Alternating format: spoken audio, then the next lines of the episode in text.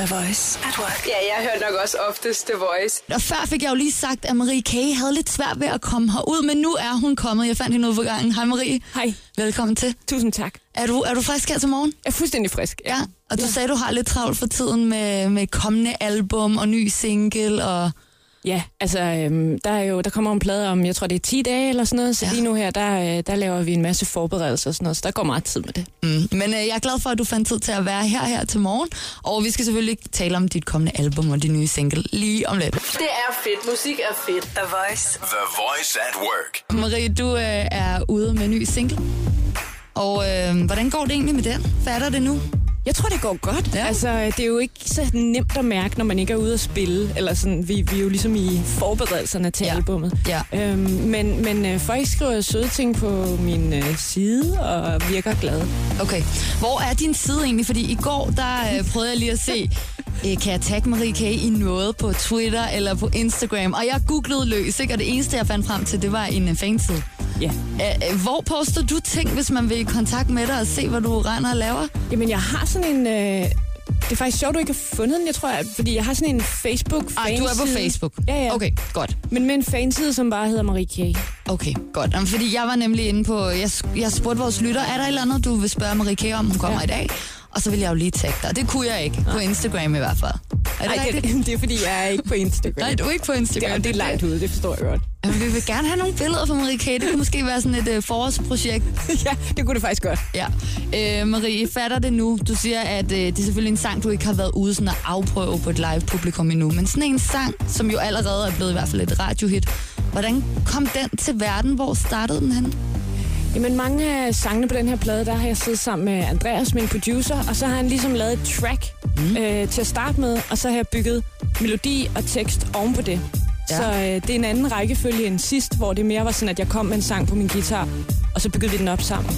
Okay. Så, øh, så jeg har skrevet teksten og melodien ud fra det der sådan lidt funky, øh, sådan milde soul-musik, han havde lavet. Ja. Og, og derfor så havde jeg lyst til at lave sådan en positiv, easygoing kærlighedssang. Så det er det, den er kommet ud af. Okay, så, så din producer, han lagde ligesom en eller anden øh, ja, rytmisk stil til dig, eller hvad? Og så, så kan du bare gå ind og, og lave melodi og tekst. Ja, og det er egentlig sådan lidt øh, svært at forklare, hvordan det kan lade sig gøre. Men, men, jeg, men man kan sagtens, sådan, når man har et akkordforløb, og man har en eller anden bund at bygge på, så kan jeg godt sådan ligesom, så improviserer jeg en eller anden melodi og en tekst frem. Øhm, Jeg tror, man, skulle, man skal have prøvet det, for at kunne forestille. Jeg sidder bare og tænker, hold da op, det er jo magi. Jamen det er det også, og nogle gange så lykkes det overhovedet ikke. Så får man lavet noget, som enten er helt vildt kedeligt, eller som ikke fungerer. Okay. Øh, men nogle gange, så går det ligesom op i en højere enhed, og der var et eller andet her med, at, øh, at da vi kom til at lave omkvædet, så havde jeg sådan en, øh, fatter det nu? Og så havde jeg en, en overstemme, fatter det nu? Og de der to stemmer, de ligger sammen og giver sådan et eller andet forløb, som giver sådan et løft i nummeret, synes jeg. Som, som, hvor man kunne mærke, at det kom, at det var sådan, det her nummer har et eller andet, som er fedt. Mm, det synes jeg også, det har. Lige om lidt, ikke, så har jeg nogle øh, spørgsmål fra lytterne ind på Instagram, til trods for, at du ikke er derinde. Ikke? Hvis man er ude og køre i bil, og så hører høj musik. I The Voice, The Voice at Work. Nu er jeg altså heldig at have Marie K., kvinde bag nummeret, i studiet lige nu. Og øh, Marie, her i øh, pausen, der talte vi lige om, at du ikke er på Instagram. Ja, præcis. Ja, og det er en stor fejl, fandt Ja. vi også ud af. Blev Ja, ja. vi enige om. Ja, du fik forklaret mig det fede ved Instagram, og jeg er nu klar over, at jeg bliver nødt til at få lavet en, øh, en øh, profil, hedder det det? Ja, det gør det. En Hurtigst muligt. Instagram-profil. Ja, super. Øhm, I går på Instagram, til trods for, at du ikke var derinde, ikke? Ja. så spurgte jeg vores lytter, om de havde eller andet, de gerne ville spørge dig om, nu du var på besøg i dag. Og der var der faktisk rigtig mange, der, der havde noget på hjerte. Fedt. Øhm, Julie, hun øh, vil gerne vide, hvilken af dine sange, der tog længst tid at skrive. Ah, det er faktisk et virkelig godt spørgsmål. Ja. Jeg tror måske, i hvert fald er et bud på det, det er Se nu herhen, Ja. øhm, som var på den plade, jeg lavede, der hedder I byen igen. Mm. Og den var først en virkelig mærkelig sang om Slagelse håndboldklub, øh, hvor det var sådan en rap. Okay, Ja, det er virkelig underligt. Det var en rap om sådan en håndboldkamp. Ja. Og så havde den sådan et øh, omkvæd, som sagde sådan... Øh, uh, uh, uh. Og vi blev bare ved med, sådan, jeg blev ved med at sortere mere og mere væk af den der sang. Det en, sidst, sidst, så var det eneste, jeg synes var fedt, det var det der uh, uh, uh. Og så lavede jeg ligesom hele den der kærlighedssang med det der uh, uh, uh, du får alting til at brænde op. Og den kan jeg bare huske, at jeg tænkte bagefter, hold da op, den har været igennem mange forskellige... Øh, Faser. ja. Så det er måske faktisk den, tror jeg. Ja, spændende. Mm. Øh, Slagelse håndboldklub. Ja. til, til kærlighed. Ja. Øhm, så er der Louise, der gerne vil vide, om dine sange refererer til dit eget liv. Det lyder nemlig som om, at du putter liv og sjæl i hver og en. Det er jeg glad for, at hun synes, og, øh, og det gør det også rigtig meget. Der er mange af sangene, øh, som, øh, altså, som de følelser, som jeg synger om, er jo selvfølgelig nogle, jeg kan mærke, og som jeg kender. Og mange af situationerne er også nogle, jeg har oplevet. Tit så bliver de også sådan drejet. Altså jeg kan godt finde på at, altså, at, at, at forstørre det, eller fordreje det på en eller anden måde, eller blande to episoder sammen. Mm. Så det er ikke sådan fuldstændig en til en virkeligheden, men det er alle sammen nogle ting, som, som jeg kan mærke på en eller anden måde, som jeg føler, at jeg har været igennem. Mm, så du er ikke lige typen, der hvis du har en eks, der har været lidt streng, at du så bare tager hele forløbet fra A til B, og så bare hænger personen ud. Nej, nej, overhovedet ikke, fordi, øh, fordi det, der er ingen af mine sange, som er sådan, som bare fra start til slut handler om en person. Eller sådan noget. Det bliver altid blandet op med et eller andet. Mm. Til sidst, så har jeg valgt et spørgsmål fra Lærke, der godt vil vide, hvor, hvornår og hvordan det hele startede for dig, det der med musikken. Det lød til før, at du øh, bare har melodier i din krop. Men hvordan sådan startede det helt professionelt for dig? Øhm, jeg synes faktisk, jeg kom rimelig sent i gang. Jeg tror først, jeg var 20 eller 21 eller sådan noget, før jeg sådan rigtig fik et band, øh, og før jeg skrev min første sang. Øh, og øh, der gik jeg på universitetet og læste musik, og så øh, mødte jeg nogle mennesker der, som jeg lavede et band med, øh, hvor vi spillede mine sange. Og så gik det lige så stille fra, sådan, man spillede på caféer, og så spillede man tiger og tiger sådan, i København og, og mere og mere, og så kom vi med i Karrierekanonen på DR. Øh, og det var helt klart sådan en, en, en åbning til pladselskaberne, og, øh, og så gik det ligesom derfra.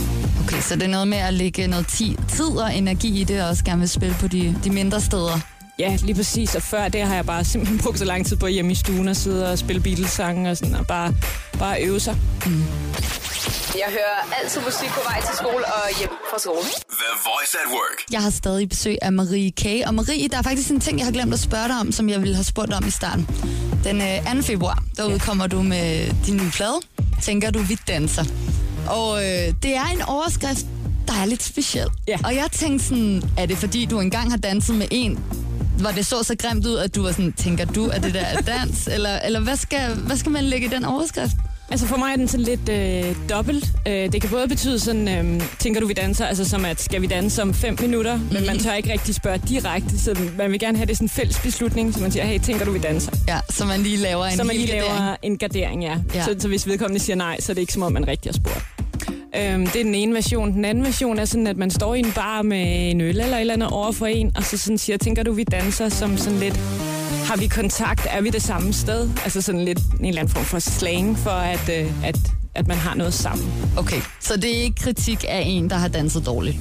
Nej, nej, altså fordi jeg, jeg, kan, jeg er virkelig ikke et sted, hvor jeg skal dømme andre for deres dans, fordi jeg er ikke sådan særlig højt op på skalaen. Okay, okay.